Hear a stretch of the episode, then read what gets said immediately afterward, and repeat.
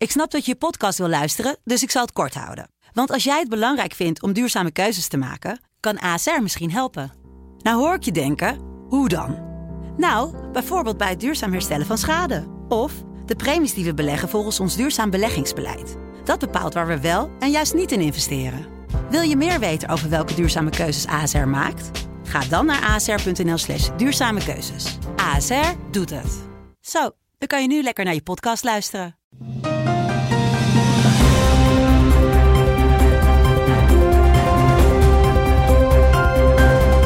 Dit is de Telegraaf podcast. Het land van Wierduk met Roel den Outer. Wekelijks analyseert onze verslaggever Wierduk de nieuwsgebeurtenissen die hem bezighouden. Mijn naam is Roel den Outer, internetchef bij de Telegraaf. Het is vandaag donderdag 23 januari en dit is aflevering 15 van onze wekelijkse podcast. Wiert, je hebt je lunch weer meegenomen? Ja, het was uh, lunchtijd. Wat gaan we doen vandaag? Nou, we gaan het hebben over een aantal dingen die heel veel mensen bezighouden. Denk ik de kopschoppers in uh, Spijkenisse onder andere. En uh, ook die affaire in de Verenigde Staten, heel interessant, heel illustratief voor deze tijd. Die, uh, die Native American demonstrant die daar tegenover een aantal rechtse jongeren stond. En hoe dat geframed werd door de media. Dus, maar we gaan beginnen met um, de rubriek van deze week. Althans, ik heb op donderdag dagen een rubriek in de krant. Die heet In Nederland. En ik was ik heb gesproken met een aantal jonge, uh, een aantal jonge journalisten die um, in allochtone media werken. En die zeggen, nou ja, dat is daar heel lastig uh, om te werken, omdat er zoveel taboes in dat milieu hier. Ja, ze hebben een kanaal op YouTube, heb ik even naar gekeken. Hartstikke leuk. Daar gaan we het straks over hebben. En we gaan het ook nog hebben over Timmermans. Hè. Die is in Auschwitz geweest en daar heb je ook een hele duidelijke mening over. Ja.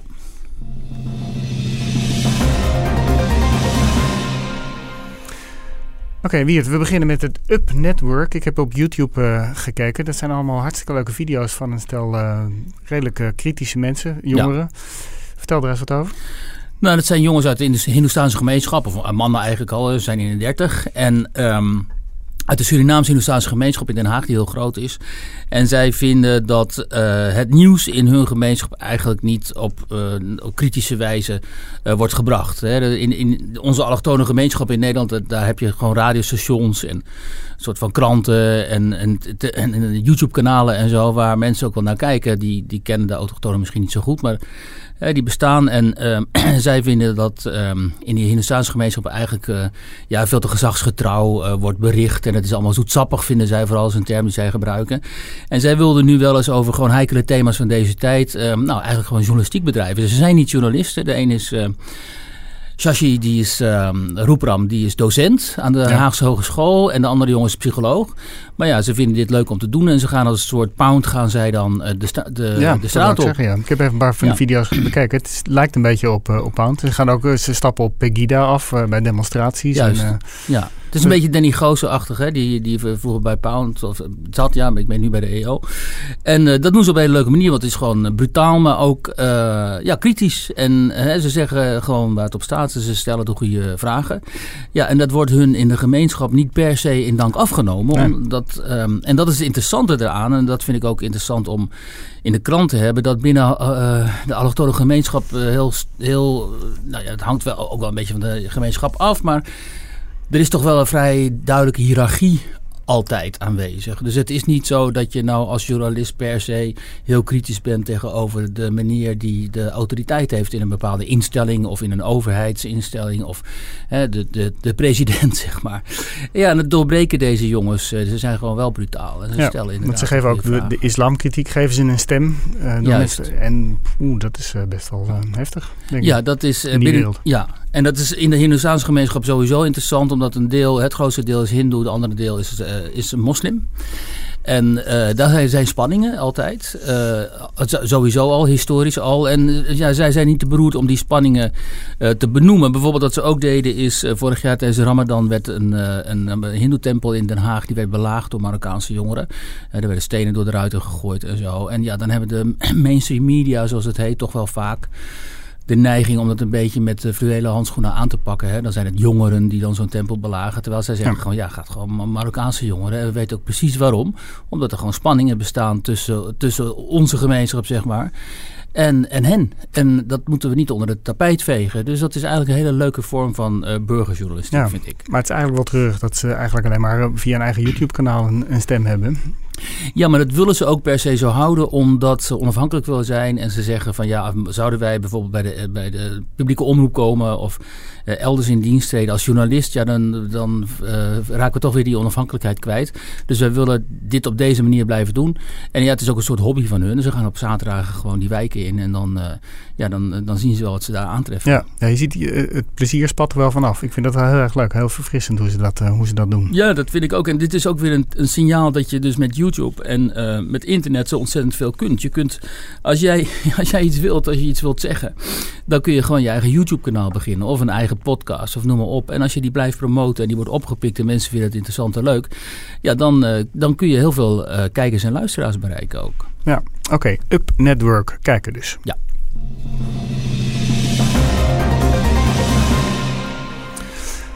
Ja, Wiert, deze week een, uh, een heel gedoe in Amerika over een filmpje van Nick Sandman. Een, uh, een, een, beetje een ingewikkeld verhaal met een indiaan en een stel uh, jongeren die aan het demonstreren waren. Ja. Dat verhaal is wel drie keer gedraaid in een paar dagen. Ja, dat, is, dat vind ik dus fascinerend, omdat het allerlei aspecten in zich heeft van de huidige tijd. Ten eerste dat het echt een online verhaal is, veel meer dan een krantenverhaal. Dat bleek ook bij onze eigen krant. Hè. Het was eigenlijk veel meer een dingetje voor online dan, dan ja. voor in de krant. Het pas, kwam pas later in de krant. En dat, dat, ook, uh, uh, dat was ook terecht. Kan je even um, kort uitleggen wat er, wat, wat, wat er gebeurde? Ja, het ging om het volgende. Er dook een filmpje op waarop te zien is dat een Native American, dus een, een Indiaan, uh, voor een groep jongeren met mega petjes, hè, dus Make America Great Again, dus Trump supporters, staat. En quasi door hem wordt belemmerd om verder te gaan. Zo lijkt het, hè? Zo ja. lijkt het. Dus je denkt, goh, wat een akelige jongens. En dat er staat die oudere man. En die staan hem en die jongeren die staan hem de, de weg te versperren en die man uit te lachen. Wat, dus wat zijn dat voor uh, vervelend? Wat is dat voor tuigen eigenlijk? En ja.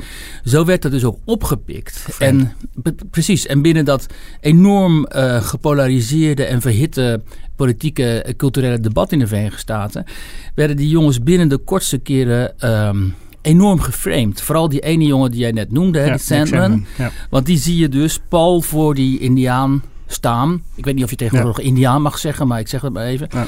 Uh, en, en ja, glimlachen eigenlijk, terwijl die Indiaan staat te trommelen. ja, dus het is een stand-off. Ja, het is een onwezenlijke situatie. het is een hele ma ja. maffe situatie. Stare-down werd het ook genoemd. Een stare-down. En dan hebben ze het over de smirk van die jongen. hè, die grijns op zijn gezicht. En, en, en, en het interessante om te zien is dat deze jongen, die is 15 of zo. En die riep dus bij zoveel liberals, hè, van die supporters van Clinton, dus van de, de democraten en zo, en, en, en Trump-haters, zo enorm veel weerzin op en zoveel um, haat, dat uh, hij werd gedoxt, zoals het heet in internet. Um, termen. Er werd dus opgeroepen om bekend te maken wie hij is, waar hij woont, om hem aan te geven bij zijn school, om eigenlijk ook die school aan te geven. Ja. De woede was zo groot dat die mensen, en dan zag je dus mensen van naam en faam, hè? dus senatoren, mensen uit het congres, mensen uit media, noem maar op, die jongeren van 15, 16 die daar stonden, openlijk op het internet, ook als hè, met mensen met, met honderdduizenden volgers, openlijk die jongeren dus zaten uh, te framen en te shamen, waardoor deze jongen natuurlijk in levensgevaar is ja, gebracht. Maar er is een zender die heeft hem gevonden en die heeft hem even gesproken. Misschien kunnen we een stukje laten horen. Ja. What some people see is a young kid with a smirk on his face. Mm-hmm. What would you say for people who see that and are making a judgment about who you are? Well, people have judged me based off one expression, which I wasn't smirking, but people have assumed that's what I have. And they've gone from there to titling me and labeling me as a racist person, someone that's disrespectful to adults, which they've had to assume so many things to get there without consulting anyone that can give them the opposite story. Die jongen klinkt heel timide nu, hè? Ja, maar ik vind het dus ook weer fantastisch. Omdat zo'n jongetje kom je dus alleen maar tegen in Amerika, volgens mij. Als je hem ziet, dan denk je dat is gewoon een gastje uit een of andere rare serie. Hij knippert niet met zijn ogen. Hij, zit, hij zit soort, weet je, allemaal in een soort tunnelvisie. En dan komt hij op zijn vijftiende ook nog eens een keer Ja. met een uh, repliek. Waarin hij niet één keer uh zegt of moet nadenken. Ja. Hij heeft gewoon een consistent verhaal. Dan denk je, oh, oké, waar hebben ze die nu weer gevonden, weet je wel. Ehm, en dus hij past ook helemaal in deze geschiedenis. Die ook nog eens keer aan de andere kant. Hè, hij, hij lijkt dus een beetje een, zeg maar, eh, misschien ehm, hoogbegaafd of enigszins autistisch. Ik weet het niet precies. Ja, er is iets wat je er denkt is iets van- waarvan je denkt, hè, interessant. En tegenover hem staat dan die man die alles vertegenwoordigt wat die Ja. liberal Americans op dit moment verdedigen. Namelijk, hij is, Amer- hij is Native American. Hij is dus eh, heel erg slachtoffer van die Amerikaanse witte geschiedenis. Hij, hij, hij demonstreert daar tegen Trump, zeg maar. Dus eh, die man is het ideale symbool van, kijk eens, dit is het Amerika wat we eigenlijk zouden willen. Ja.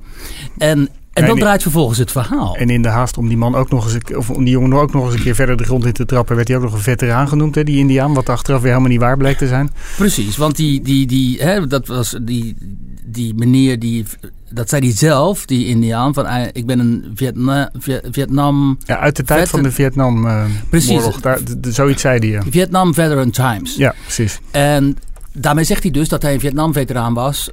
Of dat hij een veteraan is uit de tijd van de Vietnamoorlog.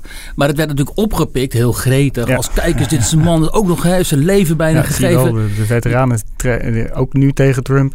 Precies, Ja. het, zelfs die. Maar toen Ja. bleek hij dus, dat is dus uitgezocht. En dat is ook mooi hier aan als je die, die, die... Een verhaal is altijd anders als je het uitzoekt. Hij bleek dus gewoon een soort mechanicien te zijn geweest. eh, eh, nog eh, bij de Marine Corps, maar eh, niet in de tijd van de Vietnam. Toen Nee. de Marine Corps nog in Vietnam zat, maar die waren toen al weg.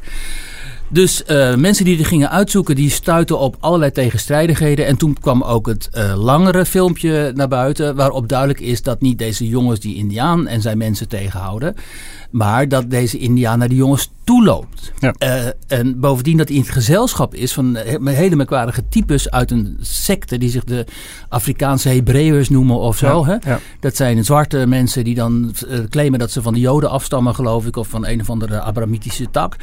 Ehm, en die, die jongens zaten uit te schelden Ja, ook precies, nog. die zaten ze uit te dagen. ja. Die zaten er gewoon uit te dagen. Dus de reacties van die jongens, dat was eigenlijk wat je van jongeren van die leeftijd verwacht. Die begonnen een beetje mee te doen, een beetje mee te provoceren, hè, een beetje mee te dansen op dat getrommel en zo.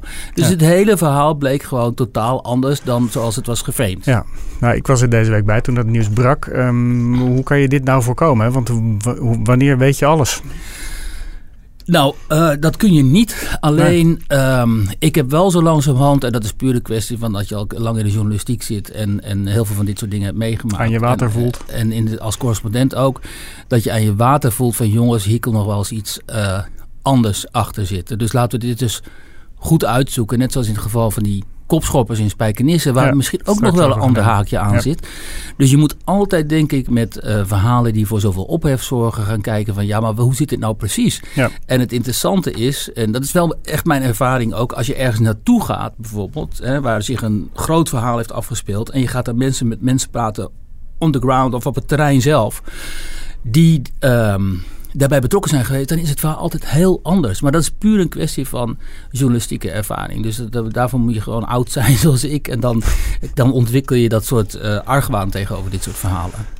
Ja, maar we gaan vast nog een heleboel van dit soort affaires krijgen. Want het is natuurlijk, je zag, je zag nu een heel klein stukje van die jongen, waar dat oorspronkelijke filmpje waar de hele de hel over eh, losbrak. Ja. Ehm, daar zag je dat die jongen eigenlijk heel raar reageerde. Het was wel heel snel geknipt allemaal. Dus Ja. je dacht al van, hmm, wat is daar voor iets raars aan de hand? Ja. Nou ja, het beroerde is, er zijn heel veel van dit soort verhalen. En eh, er is ook heel veel fake news. En op een gegeven moment weet je gewoon echt niet, dan valt het niet meer te achterhalen wat nou de, bijvoorbeeld de oorspronkelijke bron is. Of wat er nou precies klopt aan die verhalen. En je ziet dat dat doordringt zelfs tot in hele belangrijke debatten. Hè, zoals het klimaatdebat in Nederland. Wat zo gepolitiseerd is en zo eh, geïdeologiseerd ook. Dat je af op een gegeven moment heel veel mensen natuurlijk gewoon niet meer weten. Ja, maar wat is nou het ware verhaal? Is het van die klimaat?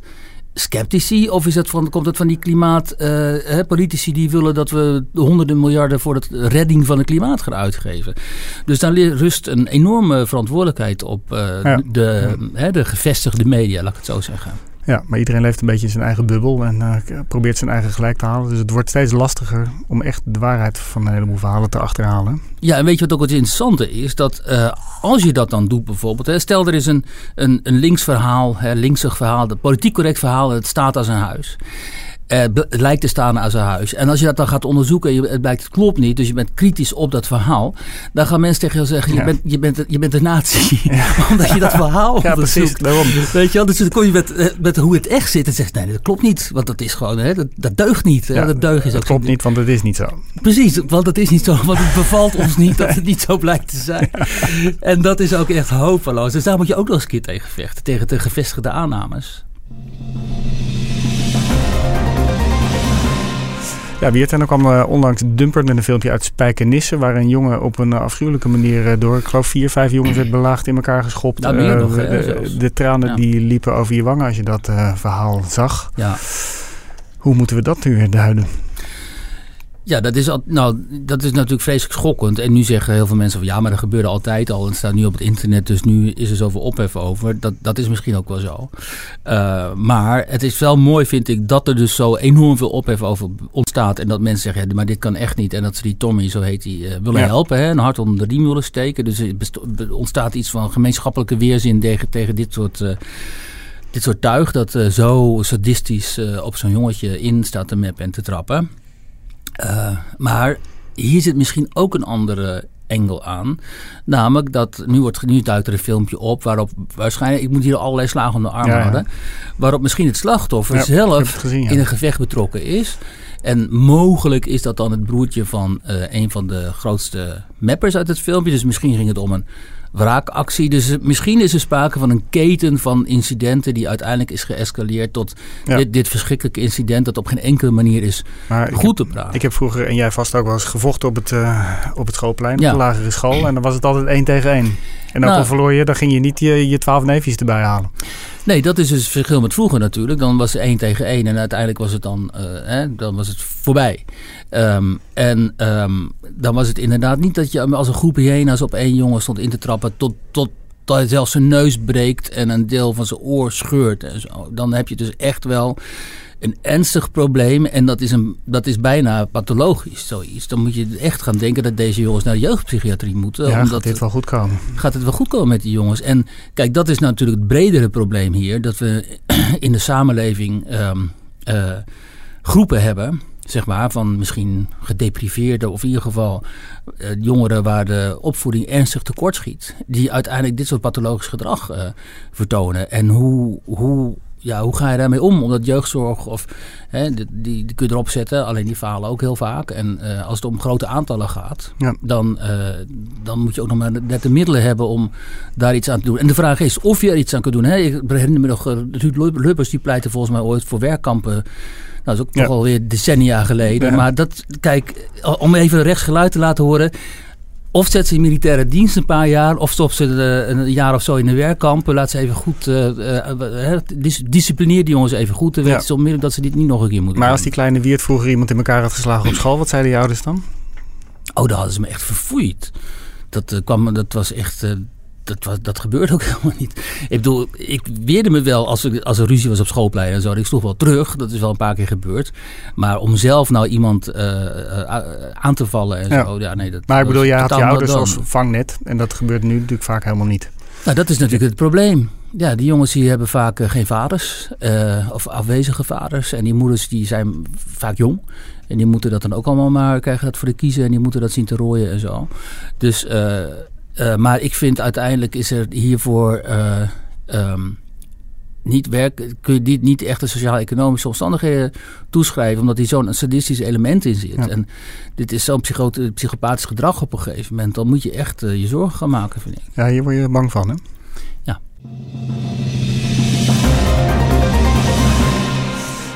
Ja, tot slot, Wiert. Ehm, Timmermans die was in Auschwitz en daar heb jij je over opgewonden.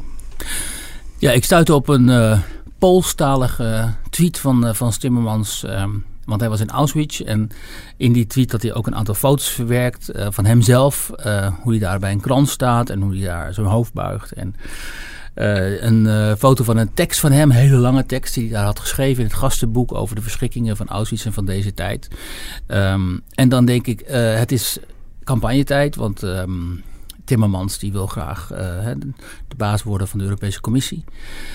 Ehm, die tekst die ging over eigenlijk wel analogieën tussen eh, wat er destijds is gebeurd en wat er tegenwoordig zou kunnen gebeuren. Dat we die verschrikkingen nooit moeten vergeten. En, uh, nou ja, en Timmermans heeft vaker gezegd, ook al dat zegt hij regelmatig, dat het nationalisme van deze tijd, wat hij overal ziet opduiken, het populisme, uh, dat dat verschrikkelijke gevolgen zou kunnen hebben. Hè? En dan bedoelt hij vergelijkbaar met destijds de vervolging van de Joden van Europa. En um, dat stuit me dan zo tegen de borst, omdat je ziet allerlei kies, uh, politici nu op verkiezingspad, ook in Nederland voor de provinciale verkiezingen.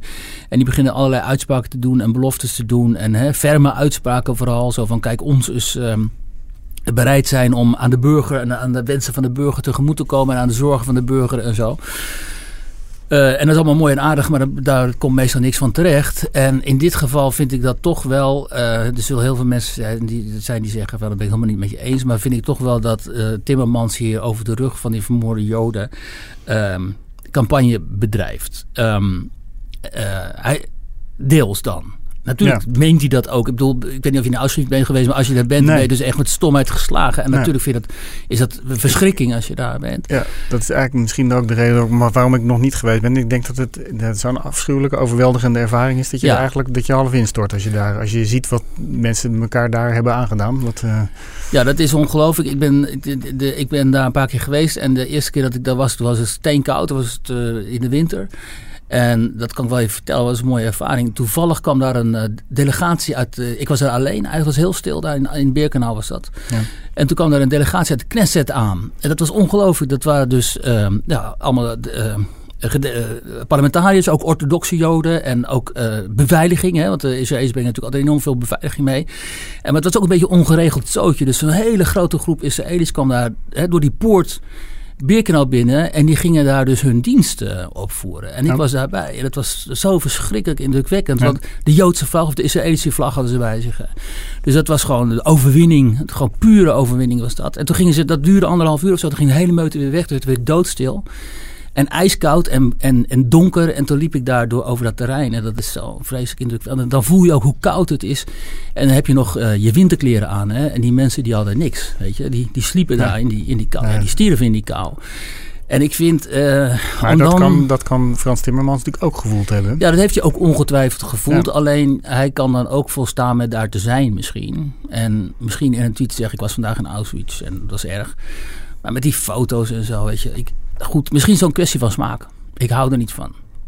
Ja, maar, maar denk je dat hij, denk je dat hij er überhaupt over nagedacht heeft dat hij hier politiek eh, uit zou kunnen winnen? Ik denk dat Van Timmermans altijd nadenkt over waarmee hij politiek, uh, waar hij politiek winst uit kan slaan. Want als je op zijn tijdlijn kijkt, zoals het heet, zijn timeline op Twitter, dan is het een aaneenschakeling van platitudes over wat zou moeten en hoe het zou moeten en hoe de wereld zou moeten zijn en hoe Frans Timmermans vindt dat de wereld eruit moet zien. En uh, hij krijgt daar ook, hij zit niet voor niks bij zoveel mensen in hun irritatiezone, zoals dat uh, gezegd wordt. Want daarmee lokt hij dus echt uh, hele geïrriteerde reacties uit. Ja, het viel nog mee met de reacties overigens, hè, vond ik. Oh ja, nou, dat, ja, misschien omdat die, omdat die tweet in het Pools was. je moet toch echt even naar vertalen en zo. Ja, goed. Oké. Okay. Wiert, dankjewel. Ik heb drie weken in jouw land mogen blijven. ja, hoe vond je Mijn het? vergunning is nu inderdaad verlopen. ik, uh, is verlopen, ik, ik, ik, moet hem, uh, ik, ik moet weer vertrekken. Cameron Oela die neemt het volgende week weer van me over. Het was uh, heel aangenaam. Mooi. En ik ga je vast vaker spreken. Hartstikke goed.